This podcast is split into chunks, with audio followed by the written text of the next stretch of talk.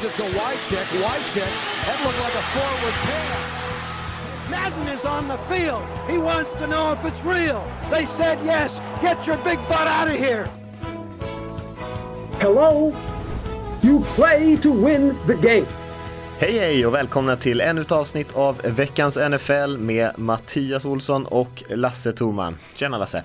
Tjena. Det första jag gör är att dra in snor här i podcasten. Vilket avsnitt är detta? Jag vet hur, lite- hur oproffsig får jag vara egentligen? Ja, Alltså någon dag så kommer du bli ett riktigt radioproffs, det är jag säker på. Ja, då får man stå med fruktkorgen och kasta rutten frukt på mig. Eh, ja, det var, det var inte starten jag tänkte men Jo, men det, det är bra. Eh, lite så här vilovecka känns ganska skönt. Eh, även att det inte är det, för det är massa andra saker som håller på med, med senior bowl och annat. Men, men eh, inga matcher den här helgen känns ganska skönt. Det är lite så här att ta igen förlorad tid med nära och kära helg på något sätt. Jag, jag har i alla fall inga planer att eh, lägga ner större tid på Pro Bowl. Nej, det har inte jag heller. Och särskilt nu när det är slutspel, när det har varit matcher både lördag och söndag har man ju blivit lite väl kanske osocial. Så eh, nu hinner man väl i alla fall kanske eh, träffa lite folk och, och vara lite som en normal människa här på, på vintern. Ja, eh, det är hur fungerar det normala samhället? Vad gör man en, en söndag klockan sex eh, egentligen? Det, man får hitta tillbaka till gamla gänget. Ja, så är det. Eh, Vi ska ha gäst idag faktiskt. Vi ska ha med oss Hamish Maben som brukar sitta och kommentera matcher. Eh, både först för Viasat, TV10 och TV3 nu. Så eh, det ska bli kul. Mm, jättekul. Eh, jag har haft med förr. Alltid väldigt kloka ord som kommer från honom och det kan ju vara skönt att få in lite sådana i denna podcasten. Som en omväxling faktiskt. Ja. Men, men innan han kommer med där så ska vi bara riva igenom lite snabba nyheter och, och sen tänker jag mig att vi eh, kolla på, tillbaka lite på säsongen som har varit här med, med Hamish. Det är många som har haft eh, eh ganska starka känslor kring säsongen som har varit och hur underhållande den har varit och, och eh, kanske det här slutspelet också. Och sen så kanske blicka fram lite grann mot Super Bowl eh, men spara kanske det allra nördigaste till, till nästa vecka. Men vi kan ju börja med en nyhet från Indianapolis att eh, Ryan Grigson, general managern där, har fått kicken.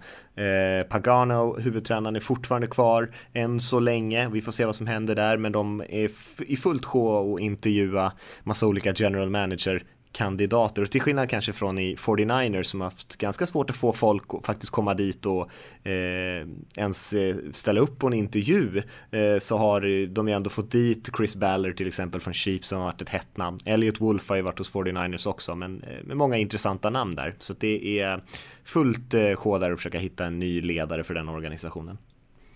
Mm.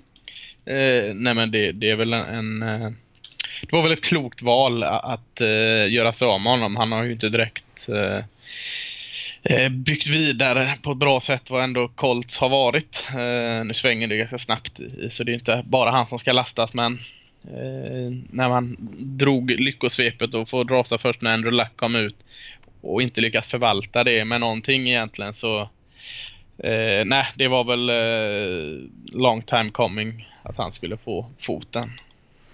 Ja, så är det. Eh, han har inte lyckats fylla den där rosten med särskilt mycket talang eh, efter man fick tag i Luck där och det, det valet känns ju som att de flesta kunde ha gjort. Eh, så vi får se där vad som händer. Det, det är väl ändå många som har tyckt att det där skulle ha hänt kanske redan tidigare än vad det gjorde. Big, Big Ben Roethlisberger slogs ju ut här i slutspelet här precis i, i helgen och direkt efter det var han med på ett radioprogram och pratade om att han inte var helt säker på om han faktiskt skulle eh, återkomma och spela nästa säsong. Eh, han skulle utvärdera det sa han och utvärdera om det huruvida, skulle, huruvida det skulle bli en nästa säsong. Jag vet inte vad du säger om det Lasse, den, det snacket. Ingenting egentligen. Eh, har hört det förut. Eh, ja. Jag, jag lägger ingen vikt för det. det är, han vill väl eh, få Jo stanna, tycka om mig ett år till. Känslan lite kanske, vad vet jag. Eh, nej, jag har inte lagt någon vikt vid det. Det kanske ligger något i det. Vi ska inte sitta och, och liksom fnysa åt det här. Men jag tycker det var väldigt, väldigt konstigt. Och jag tror det ligger extremt lite sanning bakom det, bakom det uttalandet. Ja, nej jag tror också att han kommer tillbaka. Eh, han är, har ju varit lite av en drama queen genom sin eh, karriär, Big Ben. Får gärna lite extra uppmärksamhet på sig. Men äh, jag tror det är många spelare som är i hans ålder också som känner sådär när säsongen precis är slut. Det gör ont lite överallt. Eh, säkert inte jättekul att spela eh, NFL-fotboll i 34-35 års åldern. Eh, det känns nog i, i lederna. Men och sen så tar, får man lite tid att vila så, så känns det lite bättre så blir man rätt sugen på att komma tillbaka. Och jag skulle gissa att det är det som händer med Big Ben också. Mm, vi har ju snackat lite grann om NFL i London tidigare, pratat lite om de matcherna. Eh, nu har det blivit klart när de släpper biljetterna. De släpper ju eh, två matcherna som spelas på Wembley släpper de den eh, sista januari eh, Eh, och sen också den andra februari. Först är det de här premiumbiljetterna och sen de andra två matcherna som spelas på Twickenham eh, Stadium de släpps i april så om man vill hålla ett öga på det. Vi har kört ut lite olika länkar sådär från vår Facebookgrupp grupp Eh, som heter NFL Supporter helt enkelt. Och vi har också kikat lite grann på tillsammans med en resebyrå som heter nickes.com att kanske hitta något specialpaketerbjudande eh, för våra följare och lyssnare och läsare eh, och kanske hitta något sådär hotell som man kanske bor tillsammans med lite, lite andra svenskar på samma hotell och sådär. Så där kan man, om man är intresserad av det och inte är sugen på att grotta ner sig i alla de här detaljerna med att hitta det där perfekta hotellet eller någonting Ehm, så kan man ju också hålla utkik där på Facebookgruppen om, man, om det kommer någonting som man eh, tycker är intressant. För då kommer nog troligtvis bli något, något sätt att man liksom in, lämnar en intresseanmälan som liksom inte är bindande. Ehm, men så, så kan man gå vidare med det sen så har man i alla fall reserverade biljetter där om man skulle vara intresserad. Synd att de har så dåligt kött och taskig matkultur i England för annars skulle jag försökt lösa så vi eh, hittar en tom parkeringsplats så kan vi köra tailgating innan men ja, eh, den engelska eh, mataffären lämnar en del att önska så det får bli någon här salt och vinägerchips i, i hotellobbyn man kan utlova. Ja, får inte igång mig på salt och vinägerchips alltså. Men de har ju bra indisk mat där, men jag vet inte om det är bra tailgate-käk direkt vi kan dra igång en så stort masala-kok ute på någon parkering och se vad som händer. Nu snackar vi. Mm. Uh, Jamie Collins blev ju uh, tradad från uh, Patriots till Browns, linebacker. Han var ju en väldigt bra spelare för Patriots. kanske inte riktigt lika vass de sista, den absolut sista tiden innan de tradade bort honom. Men nu har han i alla fall fått en ny deal med Browns. En stor deal dessutom som gör att han till och med tjänar mer pengar än en Luke Kuechly typ till exempel i Panthers. och det är väl kul för honom. Vad tror du om det Lasse? Förstår jag liksom. Eh, Browns kan inte locka över eh, de hetaste namnen just nu med tanke på vad de har presterat. Nu har man honom, man, man tradar till sig honom. Klart man betalar lite extra. Man har dessutom pengar på banken så, eller under lönetaket. Så att, visst, eh, egentligen är det för mycket pengar för honom, det tycker jag. Men eh, jag förstår helt klart varför, varför Browns gör det. det. Det hade sett väldigt fel ut om man tradar till sig honom och så snålar man ut på kontraktet när det är dags att förlänga och så gör man ytterligare en tveksam grej i Browns. Då är det bättre att göra en tveksam grej med att man betalar lite för mycket men man ändå håller en ändå väldigt bra spelare. Så att eh, jag köper det. Mm, bra situation för Collins. Ja, vi ska säga det, fyra år, 50 miljoner ligger på kontraktet på 26 miljoner garanterat. Det enda som gör en lite orolig är väl det att just eh, Patriots har, har, släppt honom och så Browns eh, plockar upp honom. Och, och, det blir man ju, bara det att det är de två organisationerna där som är involverade gör ju att man blir lite skeptisk. Men jag tyckte alltid att Collins... det var en trade eller? Ja, trade, men att de ändå ja. lät honom gå, om man säger så då. Valde att ja, inte ha kvar honom och förlänga. Nej, men de hade väl inte pengarna att förlänga. De hade väl den, den känslan. Så jag, jag, jag visst, eh, mycket pengar, men eh, skulle de sätta honom för en, en miljon per år så hade ju aldrig någonsin Pesci släppt honom. Då hade de haft kvar honom. Ja, så är det. Eh, Senior Bowl är det den här veckan, Lasse. Det är ju eh, en egentligen eh, ett event kan man säga som pågår under en hel vecka där man delar upp i två lag och så samlar man eh, alla de bästa eh, seniors från olika college och eh, så får de träna med varandra. Som eh, träningarna är ledda av två olika NFL-lag. I år är det Browns och Bears som har varsin trupp och sen så möts de i slutet på veckan i en match, de här två olika lagen. Eh, en bra eh, chans att få liksom Eh, Eh, få se lite av de här eh, spelarna som kommer bli draftade troligtvis här när, senare i vinter. Ja, absolut. Eh, det finns jättemånga bra spelare, det är svårt att bara säga några namn men går ju både på NFL Network och ISBN Play, de turas om lite de dagarna så kan bli lite väl nördigt att sitta och se det från start till mål varje dag. Men det är ganska skönt att bara sappa in på tvn eller paddan eller vart man nu ser och sitta och kolla lite övningar.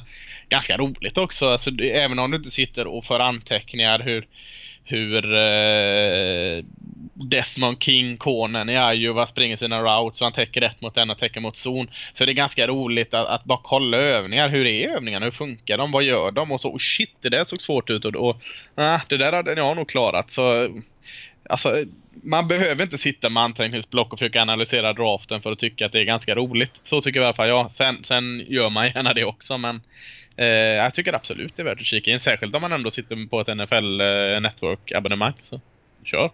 Mm. Och eh, det finns ju lite artiklar på nflsupporter.se om man vill se vilka spelare som man kan kolla lite extra på som jag vet att du har varit eh, med och bidragit till och tipsat om lite namn där Lasse.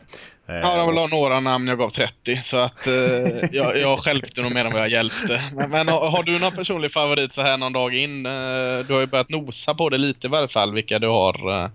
Eh, vi ska prata draft i all evighet efter säsongen men just i seniorboll här någon du tänkt kolla på lite extra? Ja, det vet jag inte om jag har någon favorit. O.J. Howard stod ut, den stora tight-enden eh, mm. såklart. Det var ju svårt att liksom inte fastna vid han och hans enhandsmottagning. Jag tyckte han såg väldigt eh, mjuk och smooth ut för liksom sin storlek. Eh, annars vete tusan eh, om jag har hunnit se någon än så länge som känns eh, extra intressant. Nej, Ryan jag tänkte mest på ändå eh, nyfiken på innan sen när du gick in. Det behöver inte vara någon som just har presterat, presterat fantastiskt. Nej, så, så, långt har jag inte kommit i mitt, eh, i mitt eh, draftspelartittande än så länge så att jag har kommit så långt. Nej. Nej, men det är väl värt att kolla in i alla fall. Jag håller med och de sätter ju de här spelarna i ganska intressanta situationer just för att scouterna ska få se dem lite. Sätter dem i ganska mycket en mot en situationer så man kan se dem liksom mäta krafterna med varandra lite grann. Och det brukar vara rätt intressant. Lite som ett naturprogram ibland också, du vet när de Eh, fågeln åker nu ner till att plocka nektar. Det sitter en sån här kommentator att nu går de ut i en haddel. Eh, och vad 1-1 teknik betyder. Så det är lite så, eh, får dammis i bakgrunden också. Ja, Ganska charmigt. Ja, jäkligt sant. Vi nämnde det i början Lasse, men det är Pro Bowl den här eh, veckan och helgen också, vilket betyder att eh, årets bästa spelare eh, inom citationstecken eh, är på, eh, är de, nej vänta, de är inte Hawaii, de är i Orlando nu va? Orlando. Och håller på och eh, springer omkring och, och gassar i solen och ska ha lite skills-tävlingar här också i helgen. Mm, ja, jag har sett några klipp. Jag jag bryr mig väldigt, väldigt lite om detta. Det kan ju vara det är en sån här perfekt grej som är roligt att se på Twitter och Instagram och sånt. Ett litet 15 sekunders klipp när någon fångar bollen med fötterna och står på händer och sånt. Det är ungefär det, den nivån vi har. Jag sitter inte och, och, och biter mig på naglarna och, och, vad som händer mer. Men små roliga klipp eh, som spelarna då framförallt lägger ut. De har ju ganska roligt när de är där. Eh, även om de säkert hade roligare på Hawaii så så uppskattas det nog tror jag fortfarande. Men det är fruktansvärt tråkigt att sitta liksom som att, att eh, följa. Det, det är öken.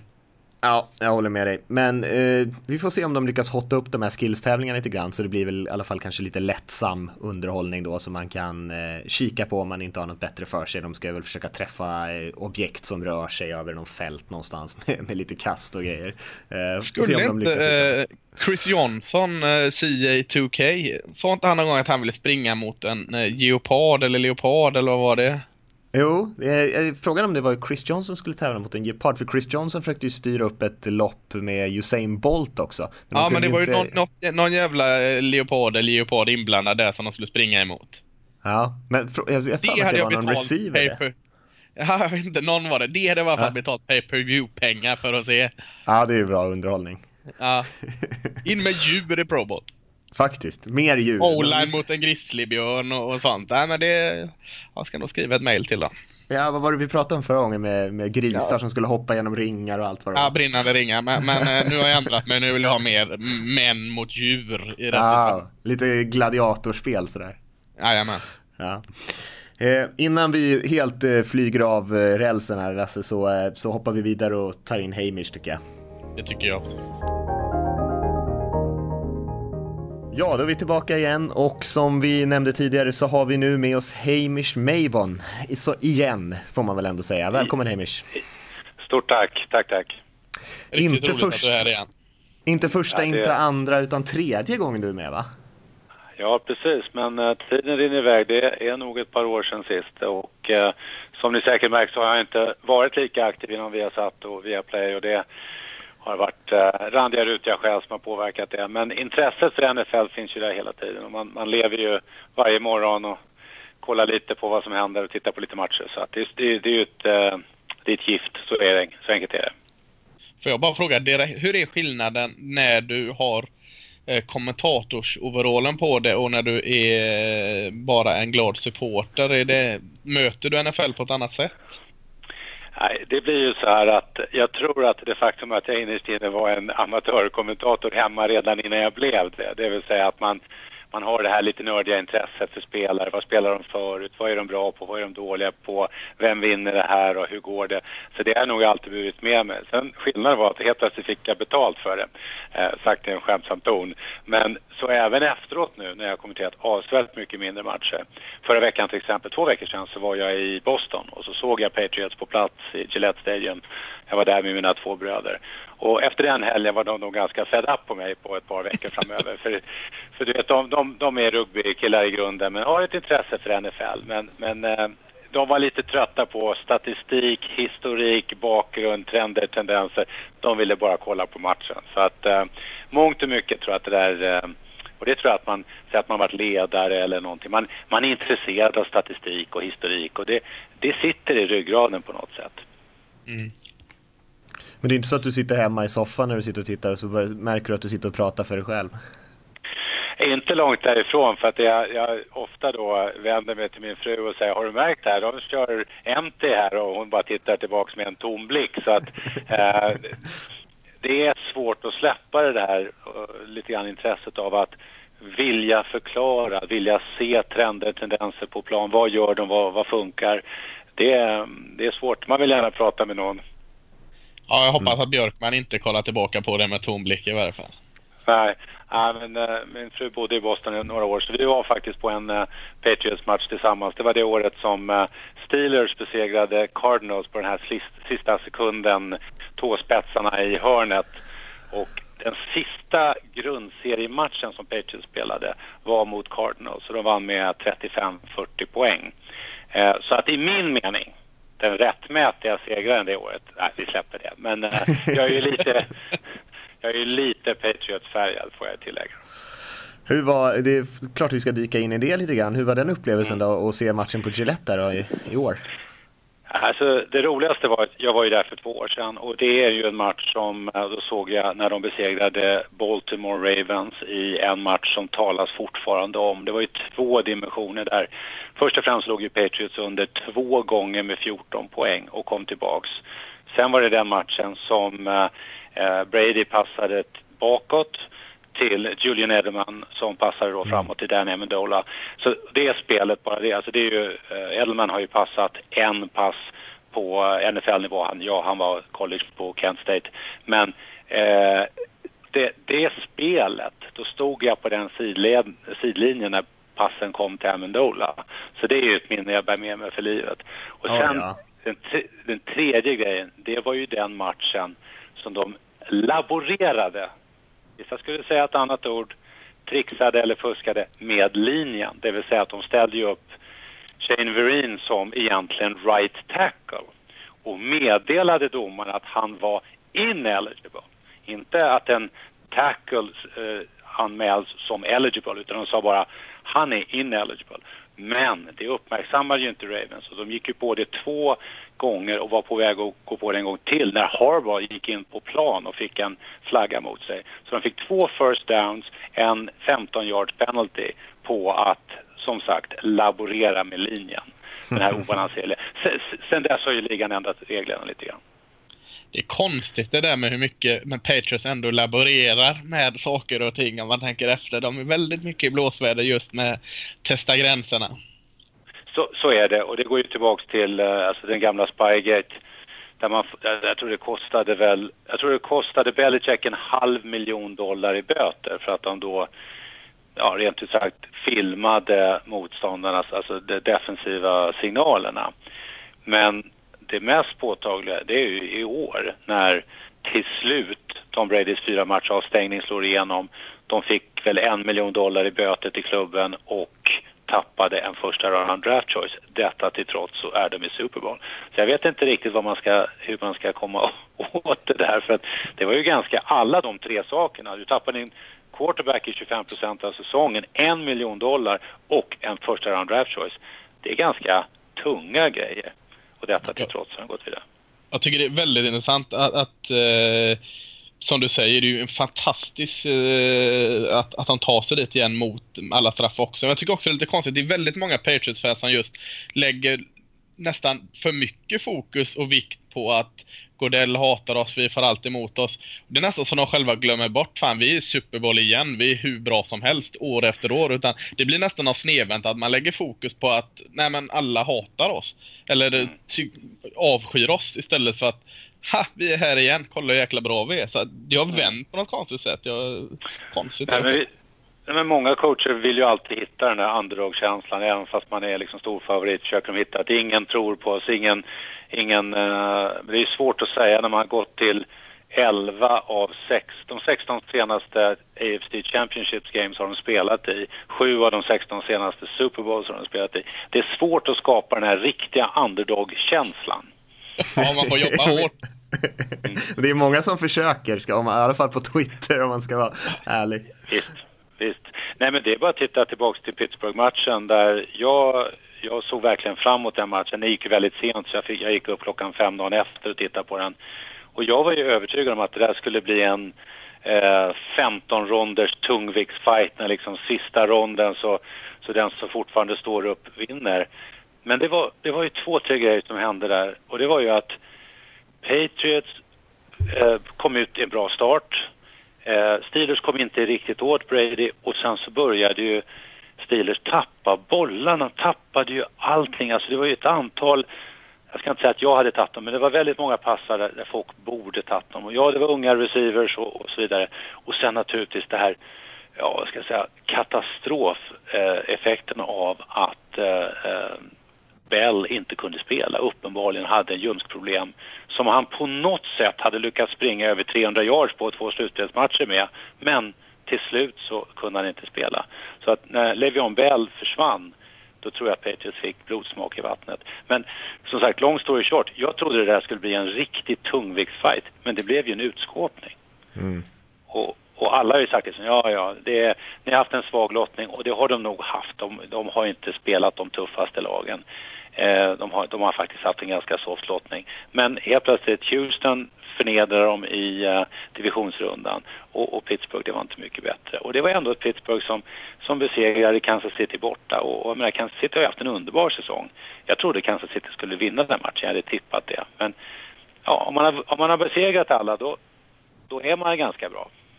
det är så, det är så ja, jag, jag, tycker ju inte att Pittsburgh är en svag lottning. Alltså det, eh, Houston kan jag kanske köpa lite men eh, alltså att köra över Pittsburgh så sätt, eh, på det sättet man gör och även om Steelers har en dålig dag så tar inte det ifrån någonting. Alltså, jag blir förvånad av mig själv att jag gång på gång eh, hittar nya grejer med Patriots och imponeras av hela tiden. Så jag, nästan så jag får springa och hämta ett papper när jag kollar på match och skriva upp den där grejen. Den har jag inte sett innan. Den var jätteeffektiv och ja, eh, det är något unikt med det här Patriots. Och, Ja, men det, men det var två saker där verkligen där, där Steelers tror jag tappade skärpan och det var ju att de tappade ett antal bollar men så missade de tacklingar. Jag har aldrig sett så många missade tacklingar och Steelers är ju ändå liksom välkända för att ha ett ja, man brukar säga ett kompromisslöst försvar, alltså tuffa killar. Både den här, vad heter han, Dupree och Chazier, det är inte någon man skulle liksom vilja förlora ett, ett liksom ett uh, diskussion med.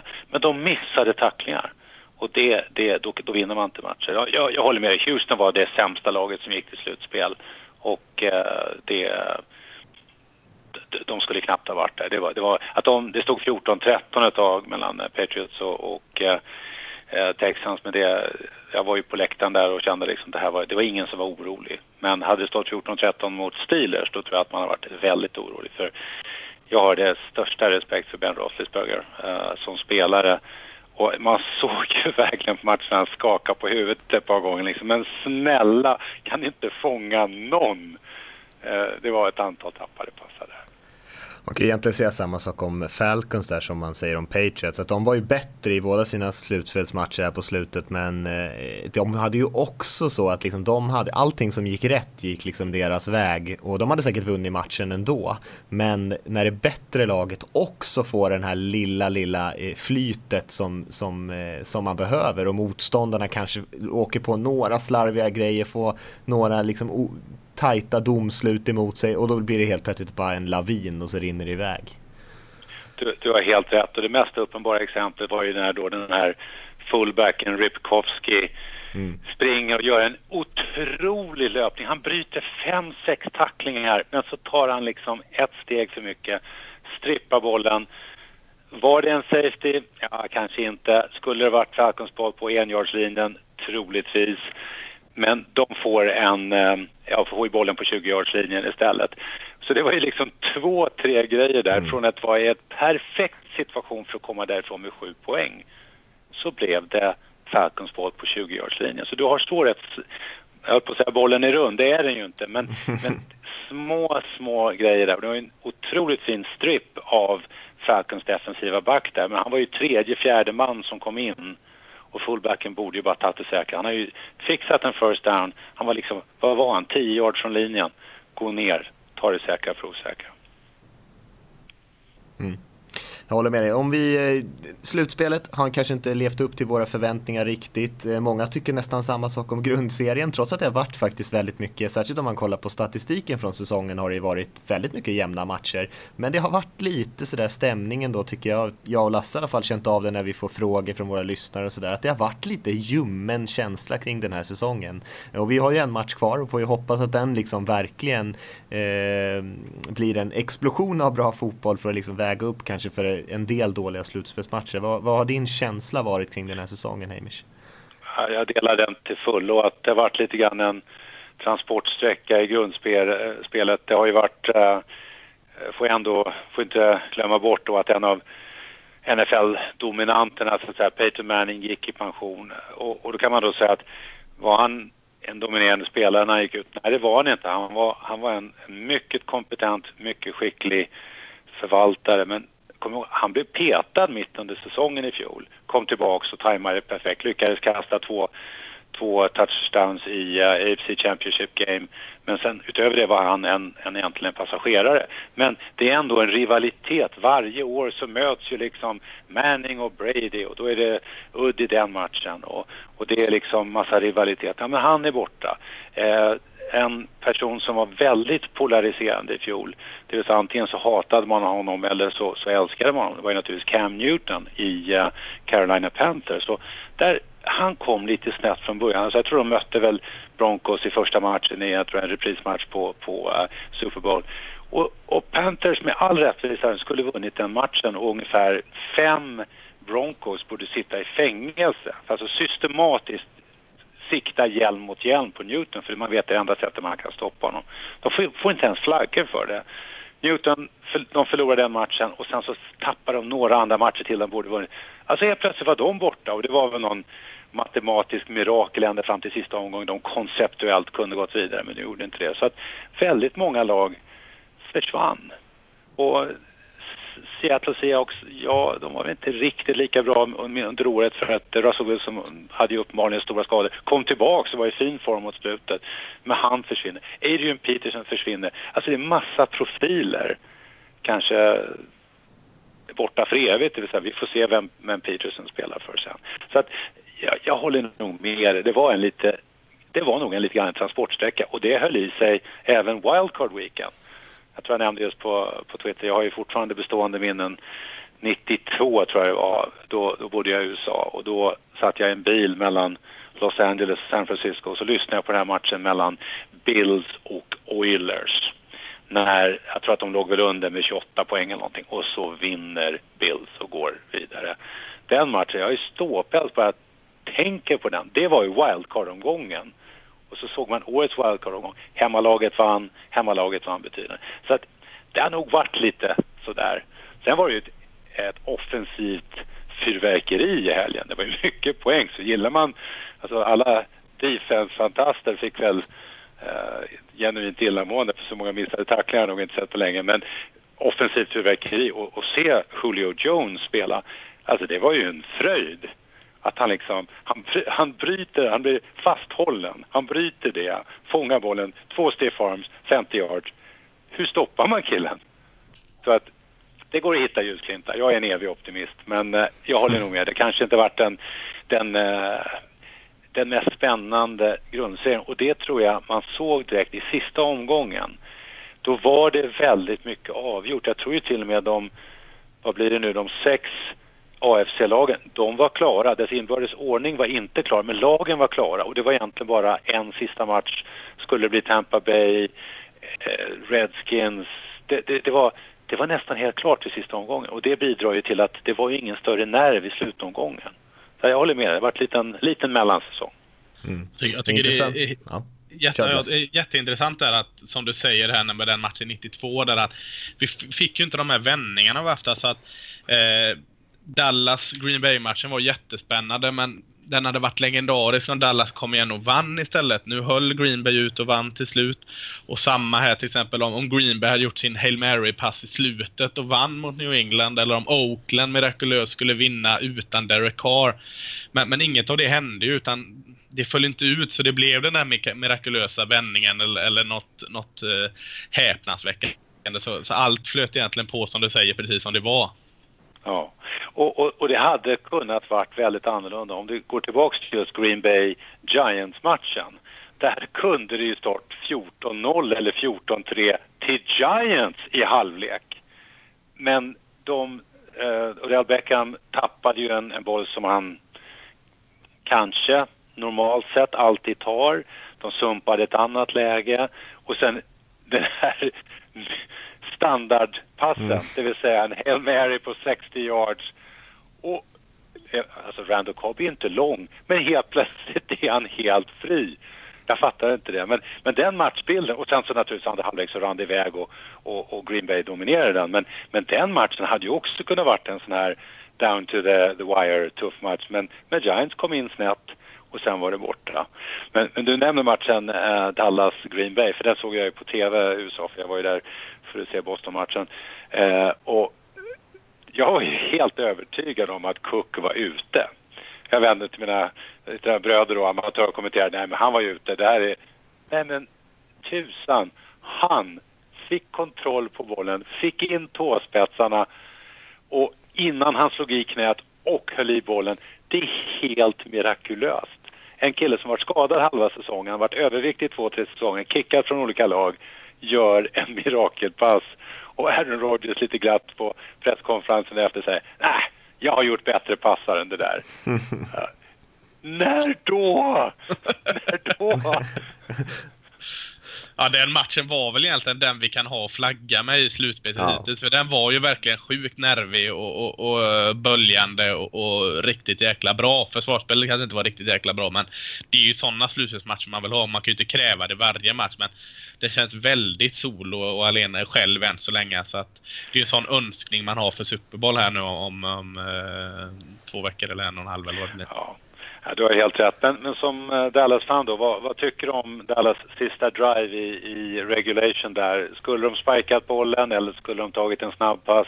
Jag blev lite förvånad när de spikade bollen.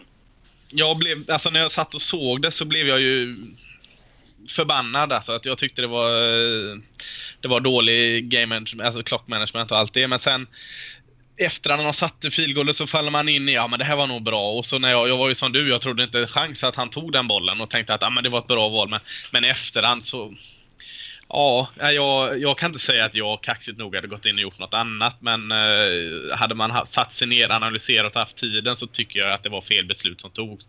Man, man, eh, man, man nyttjade inte klockan och vad man hade på rätt sätt.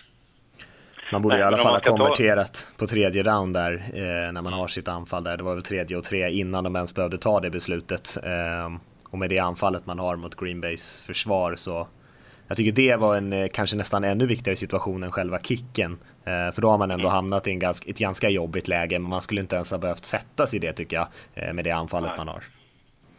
Nej, och det är väl det som att tittar man på statistiken efter den matchen Eh, Prescott hade en kanonmatch, alltså jättebra statistik. Eh, Elliot är ju ett unikum, jättebra statistik. Men vad gjorde man i första halvlek? Jag, jag, jag missade första halvlek, jag såg inte den. Förstår inte riktigt hur de inte med det, de tre underbara spelarna. För Bryant tycker jag, jag tycker, har stundtals svårt för honom för jag tycker han är lite grann som och det har Beckham Jr. Han tar mycket energi men här, här matchen, han var en underbar teamplayer, han gjorde två touchdowns, han var, han var riktigt, riktigt bra. Så det är lite märkligt att de förlorade den matchen. Men om det är någon ljusglimt man ska ta från i år så har ju ändå Dallas klivit ur gropen och är tillbaka som en seriös aktör i NFC tycker jag. Och har ju uppenbarligen framtiden för sig. Absolut, och, och, som du säger, Des Bryant gjorde ju so, eh, solklart sin bästa match hittills. Han var nog ganska äggad efter den här eh, klassiska slutspelsmatchen när, när hans catch var en catch eller inte en catch och så eh, går vi runt i cirkeln. Så att han var nog ganska taggad att göra en bra match där. Men, men det är som du säger, första halvlek gjorde de inte bra och eh, största anledningen var ju där att försvaret eh, fegare mot, mot Aaron Rodgers. Alltså att eh, vi, vi play safe, vi, vi täcker ytor. Och när Aaron Rodgers får stå i fickan så, så äh, ah, det, man måste ha någon, någon form av, av, eh, stress på honom för att det inte ska sluta väldigt illa. Så, så Cowboys offensiv var ju knappt på plan och kunde göra något under första halvlek. Den, den, matchen du nämner med Des Bryants uh, passmottagning eller icke. Och det var ju borta, det var i Green Bay, det var skitkallt, det var Tony Romo, det var avgörande. Och här tycker jag att det finns en, en, en och nu har de ändrat tolkningen lite, men jag tycker att det fanns en krock i regelverket. Därför att vi visste alla att man skulle, ja, du ska få ner två tår, du ska ha kontroll över bollen och du ska behålla kontrollen när du faller till marken. So far so good. Och på det sista momentet så, så var ju det de dömde bort det. Men samtidigt var ju regelverket också att du upphör att vara passmottagare och övergår till att vara en bollbärare när du gör en football move i min värld skulle nog vara att dyka mot mållinjen i syfte att göra en touchdown. Det skulle jag nog klassa som en football move. Och jag tycker regelverket krockar. Det fanns två tolkningar. Ena säger att han inte fullgörde passmottagningen och det andra säger, jag vet ni vad, jag tycker att han har blivit en bollbärare och då behöver man inte bolla bollen när man faller till marken. Så att jag förstår att så som tolkningen tillämpades då, och i dagsläget så vet ju inte en människa eh, vad en passmottagning är längre. Men jag tyckte att det där blev lite fel faktiskt. Jag tyckte nog att han hade etablerat sig själv som en bollbärare. Andra, läs Dean Blandino, tyckte annorlunda. Men om, jag brukar säga så här, ställ upp tio personer i en bar och fråga dem var det där en passmottagning. Då hade nio personer sagt jag tycker det. Och då, ja, så att jag tycker det var lite tufft dömt om man ska vara riktigt ärlig. Och det går ända tillbaks till Calvin Johnson-mottagningen när han lägger ner bollen på marken och så säger han ingen, ingen touchdown. Det är ju det som är eländet som ligger bakom den här otydligheten eh, vad gäller vad är en passmottagning. Ja, jag, jag, ska, jag ska bespara mina lyssnare hemma och säga vad jag tycker. Det, det är ganska solklart. Så jag, jag tycker vi, går, vi, vi, vi avslutar den diskussionen med dina fina ord där. Jag, jag tyckte de var perfekta. jag håller faktiskt med, jag håller faktiskt med Hamish här. Men om vi ska sidsteppa lite in i eh, årets Super Bowl och säga några ord om den. Jag kan eh, berätta lite grann om en, en, eh, en story jag läste här nu i, i den här boken War Room som handlar egentligen om Belichicks tankar till, om hur man bygger ett, ett framgångsrikt lag. Eh, så gav han ju faktiskt råd till Thomas Dimitrov som är general manager i Falcons innan de gjorde den här traden för Julio Jones som, om ni kommer ihåg det, kostade kostade väldigt mycket och då sa Belichick att han ärligt talat inte tyckte att han skulle göra det för att han tyckte inte särskilt mycket om Julio Jones och trodde inte på honom som en, en framtida spelare utan han föredrog istället den här killen Jonathan, Jonathan Baldwin eller John Baldwin som draftades av Chiefs där i första rundan och blev en ett av de största misslyckade spelarna vi har sett på länge. Så det är lite Julio Jones Revenge Bowl här i Super Bowl.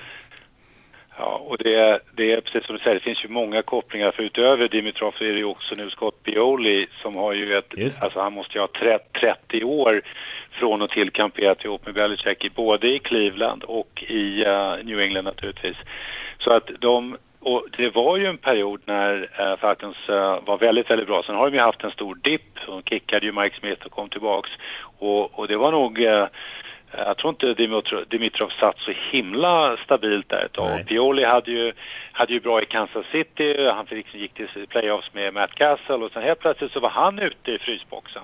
Så att det, men, men, men med facit i hand eh, så var det ju en underbar, för att utan Julio Jones, alltså Matt, alltså eh, Matt Ryan är en underbar quarterback, men det är enkelt att bli en underbar quarterback om man har nummer 11 att kasta till. Eh, sen, sen, har ju han, han, eh, han, har, han, han missar ju ett antal matcher varje år, tåskador och allt vad det är för någonting, men så bra som han har varit i slutspelet nu, det är, eh, ja, det är en fröjd att se. Having said that, eh, Antonio Brown, underbar spelare. Hade han i, matchen mot uh, Patriots? Hade han 30 yards eller något? Det var nog helt, nej, nej, han hade lite mer än det, men han, han var inte en faktor i matchen. Och det, det man känner, Ja, det man känner där också när du säger det med, med Anthony Brown och Julio Jones att är det något Patriots försvar gör bra så är det ju att ta bort eller neutralisera just det där första hotet av wide receiver. Så man kanske mer ska fokusera på vad, vad har de med Mohamed Senna och Gabriel och dem, och dem för att det gör de ju om och om igen i Patriots. Verkligen neutraliserar han den där stora receiver. Och, och du har så rätt att för en gångs skull har ju Ryan, han har ju egentligen som jag ser det fem mycket duktiga passmottagare som inte tappar bollen. Utöver Jones, Gabriel som du nämner, Sanu. Men han har ju både sina running backs. De är jätteskickliga på att fånga bollen och på sin fritid kan de springa med bollen också. Så att, jag, att, att ha fem så skickliga bollbärare, bollmottagare, det kommer bli en utmaning.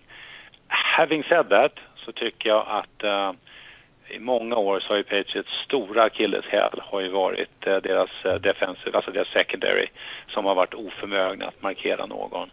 Och jag har ju haft spelare som jag bara hoppats att Belichick ska sälja eller trada bort. Eh, eh, inte minst Logan Ryan.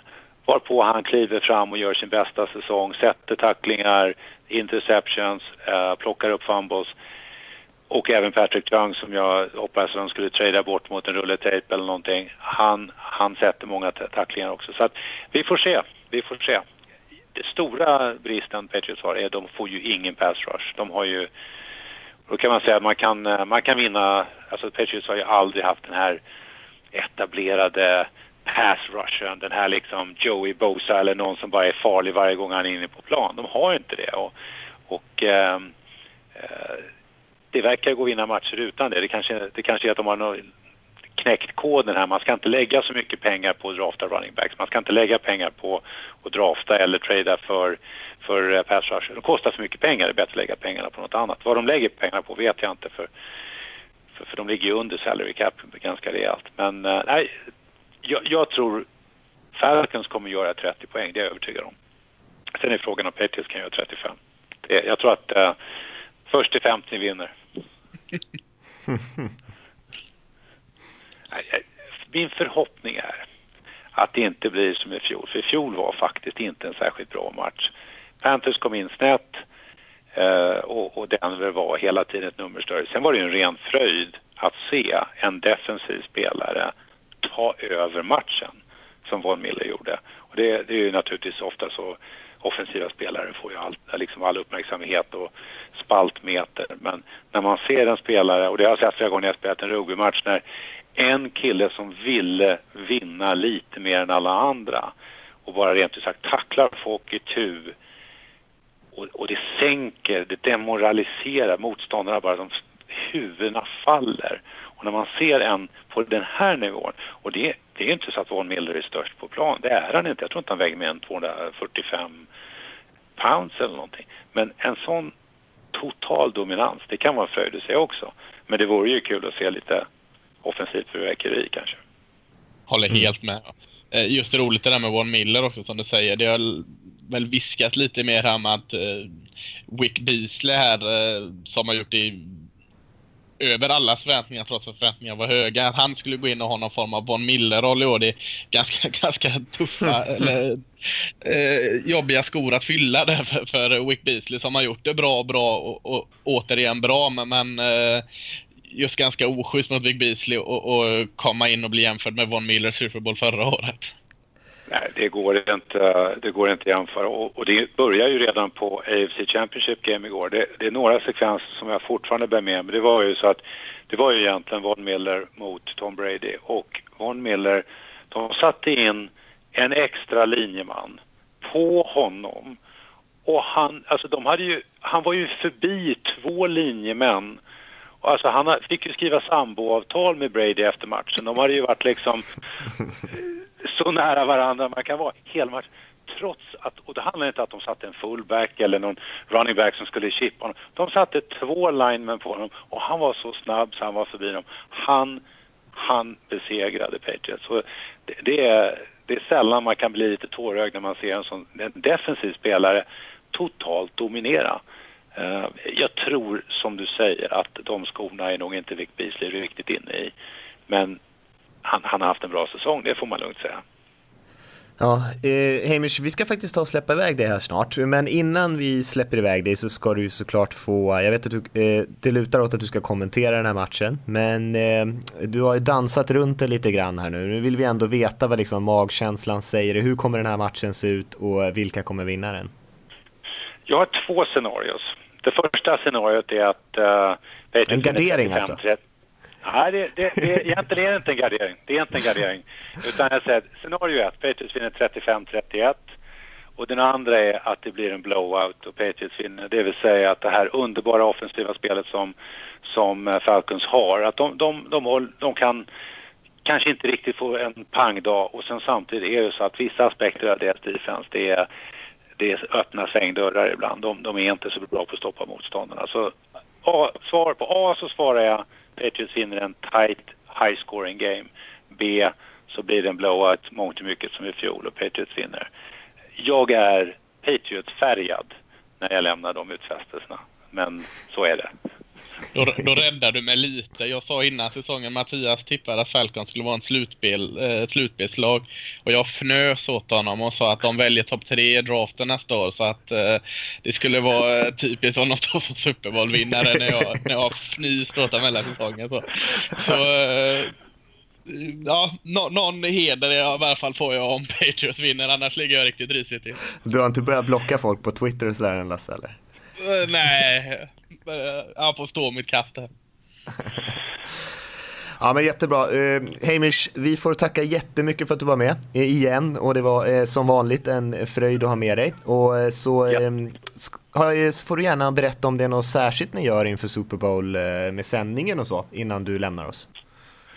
Det kommer bli det vanliga grönskärm innan när vi pratar med oss, det vill säga Eh, Eh, det blir sannolikt jag som kör play-by-play och Stefan Björkman som uh, kör color commentary och uh, där minns jag, minns jag fortfarande mitt, uh, mot, mitt tips då som jag lämnade i fjol vid den här tidpunkten när med fast och fast stämma alltså, sa Panthers vinner och det blir inte ens jämnt. Så man kan väl säga att jag hoppas på en mer träffsäker Eh, Eh, projektion den här gången. Nej, men det, det, blir en lång sändning. Det kommer bli jättekul och det har varit en fröjd att se Viasat-studion eh, där framförallt eh, Oskar Strauss tycker jag har verkligen varit ett eh, tillskott. Oerhört kunnig, spelat själv på en hög nivå och det har varit kul att se honom komma eh, ta, ta plats i, i studion och i rutan. Så att eh, det är många kända ansikten och Carl-Johan Björk naturligtvis har ju en, en insikt som ingen annan har efter att ha spelat på den här nivån. Så att jag tror att det, det blir ett bra team. Hoppas bara att det blir en spännande match. Jag kan bara instämma i allt du sa där. Och eh, återigen Hamish, tack så mycket för att du var med så eh, hörs vi säkert snart här framöver. Det gör vi. Tack för att jag fick komma hit. Ja, då är vi tillbaka igen och eh, vi får tacka Hamish som, eh, som alltid intressant gäst att ha med Lasse kloka ord från en klok man. Mm. Uh, fräscht inslag i podden, uh, absolut. Nej men det är jättekul och, och som sagt det känns som vi skulle kunna köra en sån här uh, en serie. Vi sitter och, och pratar på med Heimish i, i, fyra timmar och lika intresserade i minut ett som sista minuten och, och, klipper upp det. Men ja, vi hoppas att vi kan få med han i framtiden igen. Så blir det säkert. Eh, och eh, vi kan faktiskt ta hoppa vidare direkt här så att det inte blir ett monsteravsnitt och ta lite frågor som ni har skickat in. Och eh, det tycker vi alltid är jättekul. Så att skicka in frågor till podcast nflsupporter.se om ni är sugna på det. Så de flesta tar vi upp. Sen går det att skicka via Twitter och Facebook sådär också. Men enklast för oss om de kommer där på mejlen så, så missar vi dem inte när det är dags att spela in sen. Men vi kan börja med en fråga från Martin som skriver så här. Tjo, det känns som att drafta QB verkar vara ett riktigt lotto där flera första rundespelare inte blir något samt vissa som tas senare blir bra starters. Trots detta ser vi att lag offrar mycket för att ta quarterbacks tidigt i draften. Vidare ser man tidigt i Mox att QBs ligger ganska långt ner för att det närmar sig och när den väl närmar sig draften så, så liksom klättrar de upp. Istället för att ta en spelare som nästan garanterat kommer bli en NFL-stjärna, till exempel Bosa, så chansar man på att ta en quarterback. Borde man inte istället när man draftar ta bästa spelaren om det är två likvärdiga? Eh, quarterback är såklart den enskilt viktigaste spelaren, men är det verkligen värt att chansa? Skulle vara intressant att höra era resonemang. Senaste tio åren, hur många quarterbacks har man vetat innan draften att de skulle bli starters? Det enda jag kan komma på är lack. Fortsätt med det goa tugget, skriver Martin. Eh, först måste man ju definiera ordet chansa lite, vad, det innebär. För, för eh, en chansning är det ju inte så. De lägger ju ner extremt mycket tid, framförallt när det är höga val i draften. Sen är det ju aldrig en garanti på, på att det lyckas lyckas självklart så det är ju såklart chansning i det. Eh, men sen är man inte ett eh, slagkraftigt lag utan en bra quarterback. Det är ju sanningen och mer så nu än någonsin i NFL. Så att vikten av en eh, riktig, eller en bra quarterback är så mycket större än vikten av någon annan position och ha en dominant spelare. Så att ja, man får hitta en kombination där. Hur mycket chansning är det i det här valet som vi har kollat fram och hur säkert är det? Kan vi ta, eh, vad gillar vi Dijon Watson är Cleveland Browns eller gillar vi eh, Trubisky eller tycker, ser vi för många, för många saker som vi inte riktigt kan sätta på print? Då kanske man faller till någon annan men ja, QB, QB är, e är så jäkla viktigt. Ja, och bästa situationen är såklart att vara lite grann i om det som Patriots är eller Packers eller Cowboys i fjol, att man liksom har en väldigt bra quarterback så att man kan fortsätta liksom drafta lite quarterbacks i de lite senare rundorna och det kanske inte är katastrof om det inte blir en stjärna av det hela utan då har man en stabil backup. Men så, i, helt plötsligt så får man liksom jackpot och, och får en Dak Prescott. Eh, så att det är ju den bästa situationen, men för de här organisationerna som verkligen inte har någon och de måste ju till slut välja någon och det finns som han var inne på där aldrig egentligen några säkra namn. Han nämnde ju eh, Luck där eh, och om det har varit någon uppe i hans liksom Det skulle kanske varit James Winston. Många ansåg att han var liksom väldigt nära Andrew Luck i, i typen av kvalitet. Kanske inte riktigt lika högt men ändå en av de eh, högre rankade spelarna vi har sett på länge. Eh, men annars är det ju så det är ju nästan alltid lite av en chansning. Mm. Men det är det ju med en pass rusher och en eh, cornerback också. Visst är det Vi nämnde ju nyss eh, Jonathan Baldwin här och Julio Jones. Att det fanns mm. många som tyckte att Baldwin var bättre. Han blev ingenting. Men Julio Jones, som såklart var högre rankad än Baldwin, men eh, han blev ju en superstjärna. Så att kontrasten där var ju enorm. Mm. Skriver, eh, vi har en fråga från Jesper som skriver Tjena Mattias och Lasse, tack igen för en fantastisk podcast. Jag är en civilingenjörsstudent som nästa år ska åka till USA för att studera min master och undrar om någon av skolorna jag sökt på är bra collegefotboll eh, eller har lite bra collegefotboll att njuta av.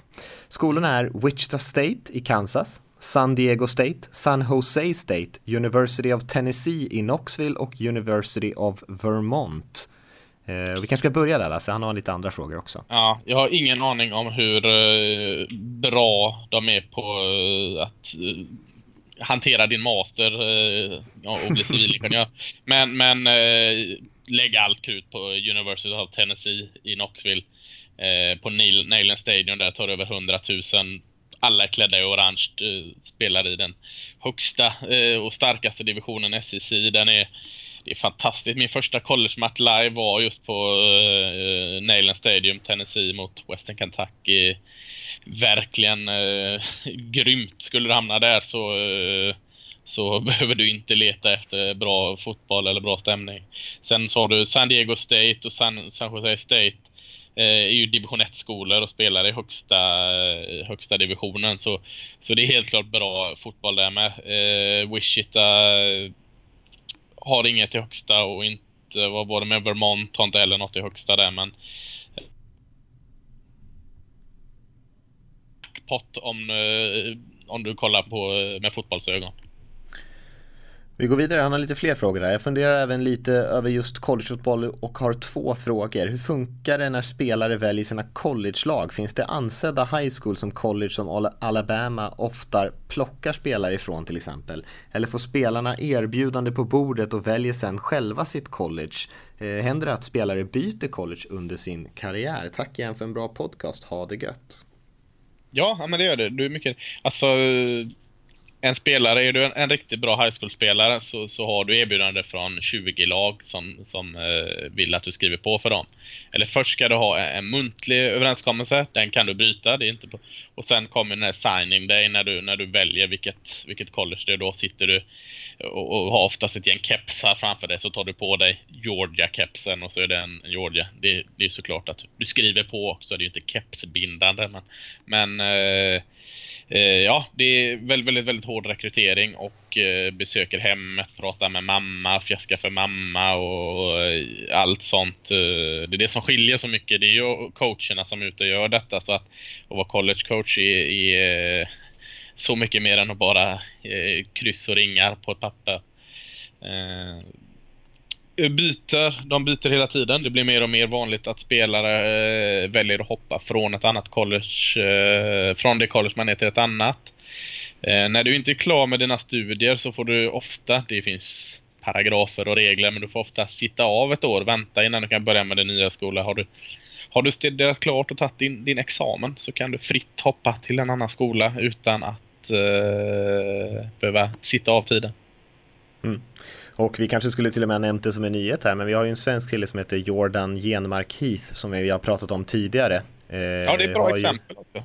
Han verkar ju som att han faktiskt, han hade ju ett commitment till Cal, eller University mm. of California, eh, som är en mycket bra skola, absolut. En, en, en eh, bra skola som eh, alltid är högkvalitativ fotboll, men han har ju också varit på lite andra besök nu, för han har ju fått väldigt mycket uppmärksamhet och nu verkar det ju som att han faktiskt accepterat ett stipendium på Notre Dame istället, som är kanske en ännu större skola, en av de absolut mest klassiska college, just när det gäller collegefotboll i USA. Ja, absolut. Och så har vi ju eh, Samuel Wretman här som ja. eh, höll fast vid sitt och, och signade med, med Rutger, New Jersey-skolan här häromveckan. Eh, men Jordan är ju ett bra exempel. En muntlig överenskommelse med Cal. Vet det inte så mycket personligt, vet man mycket väl att det, det, han lutar åt Cal mer eller mindre trots att det är en muntlig överenskommelse och, och ganska vanligt att man switchar till Notre Dame eh, eller till en annan skola. Eh, Notre Dame är som du säger eh, väldigt, väldigt anrik och klassisk skola med oftast eh, goda resultat. Mm. Stort att en svensk vill ha, eh, eller att Notre Dame är så intresserad av svensk, då är, har, vi, har vi något gott att se fram emot. Ja, verkligen. Eh, jättespännande spelare också som har spelat olika positioner så det har varit högt rankad i, i Kalifornien där i high school-systemet. Så vi får se vad som, vad som händer där och vi följer det såklart. Eh, vi har en fråga, eller två frågor faktiskt från Abbas här också som skriver Likt många andra trogna lyssnare är jag intresserad av den gode Lasses svar efter att innan säsongen fullständigt slaktat Falcons formuleringar som de är inte värda min tid och Falcons draftar topp tre nästa år är redan klassiska. Så hur lyder Lasses svar?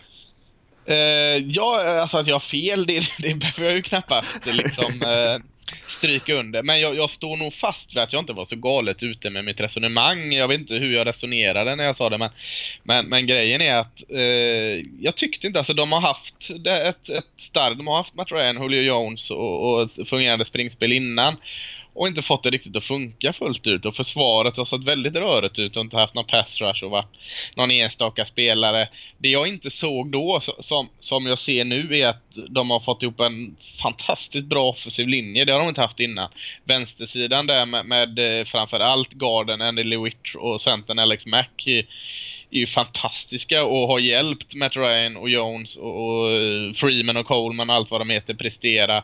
Och försvaret med, med så många unga spelare som har bara kommit in och gjort det så bra så snabbt. Vi har Ken O'Neill, Rookien, vi har Wick Beasley som vi har pratat om innan och, och eh, Dion, Jones, Jones. och Devondre Campbell och alltså jättemånga 900 spelare. Så att Absolut, jag hade ju tokfel och eh, håna mig, det ska ni göra och, och, och, hänga ut mig, det med all rätt. Men, men jag tycker inte jag var så fel ute i min analys då att eh, jag såg inte så stora skillnader på New Orleans Saints. Eh, Saints har också ett vasst eh, offensiv eh, och ett lite kaotiskt försvar. Precis det såg Atlanta Falcons med.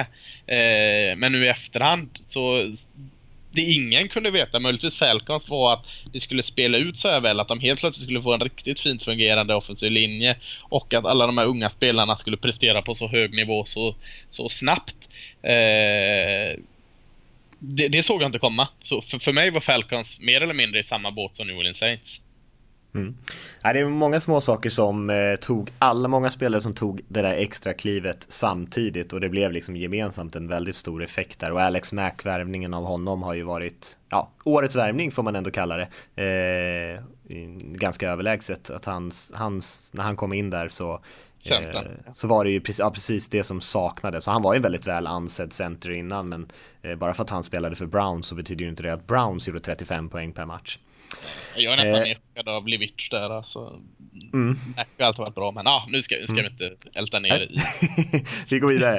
eh, har följt NFL på nära håll sedan 2005. Kan inte minnas en sån tråkig säsong som vi nyss genomlidit. Även om Super Bowl blir fantastiskt har jag svårt att se tillbaka på året med entusiasm. Kan på en hand dra spännande matcher under året. Rejält underpresterande lag, profiler som inte levererat, usla matcher i primetime och rent av ett katastrofalt slutspel ur underhållningsvärde. Håller ni med och vad är er reflektion om säsongen 2016? Sluta aldrig med det ni gör. Vi uppskattar det. Må väl. Hälsningar Abbas.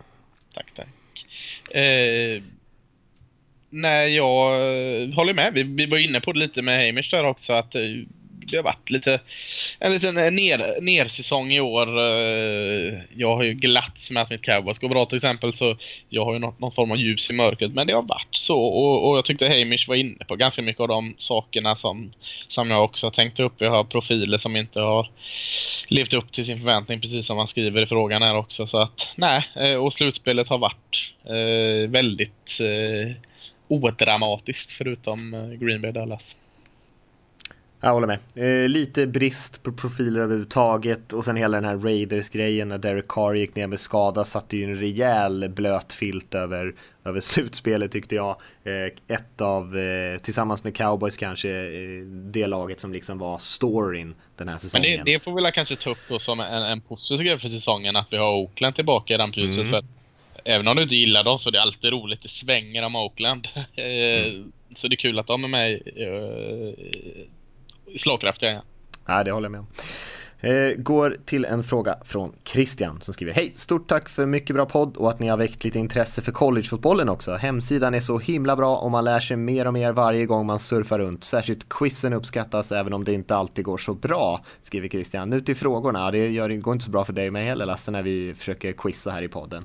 Nej, eh, Patriots vinner Super Bowl och Tom Brady befäster sin status som bäst genom alla tider. Därför bestämmer han sig för att sluta. Tror ni att detta innebär slutet för lagets storhetstid och Bill? Nej, inte alls. Eh, jag, och nu utmanar man den här eh, Patriots-fankåren som sitter på nålar med offerkoftan på och tycker synd om sig själva. fan.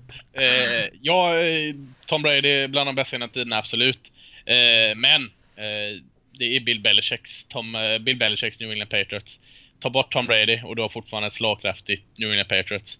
Eh, det är Bill Belichick. Jag, eh, nej, jag tror han, han, eh, gör det bra. Han gör det jävligt bra. Men jag tror det, det hade fungerat eh, inte lika bra, men, men bra nog utan Tom Brady. Ja, visst, de, eh, det såg man ju kanske i år också att de eh, det är ju ett, en, ett jäkla bygge han har gjort där helt enkelt. Och sen så tror jag faktiskt inte att det finns en chans att Tom Brady slutar om han inte verkligen, verkligen eh, gör illa sig på något sätt. Men han har ju sagt att han ska spela eh, till, till han är 45 eller något sånt där. Så att då än så länge så är han ju lika bra som han har någonsin varit. Så, ja, det finns ju ingen anledning, varit. men det är alltid roligt med scenarier. Visst. Vem blir Cleveland Browns quarterback 2017 och finns det någon i draften som är värd ett första pick på den positionen?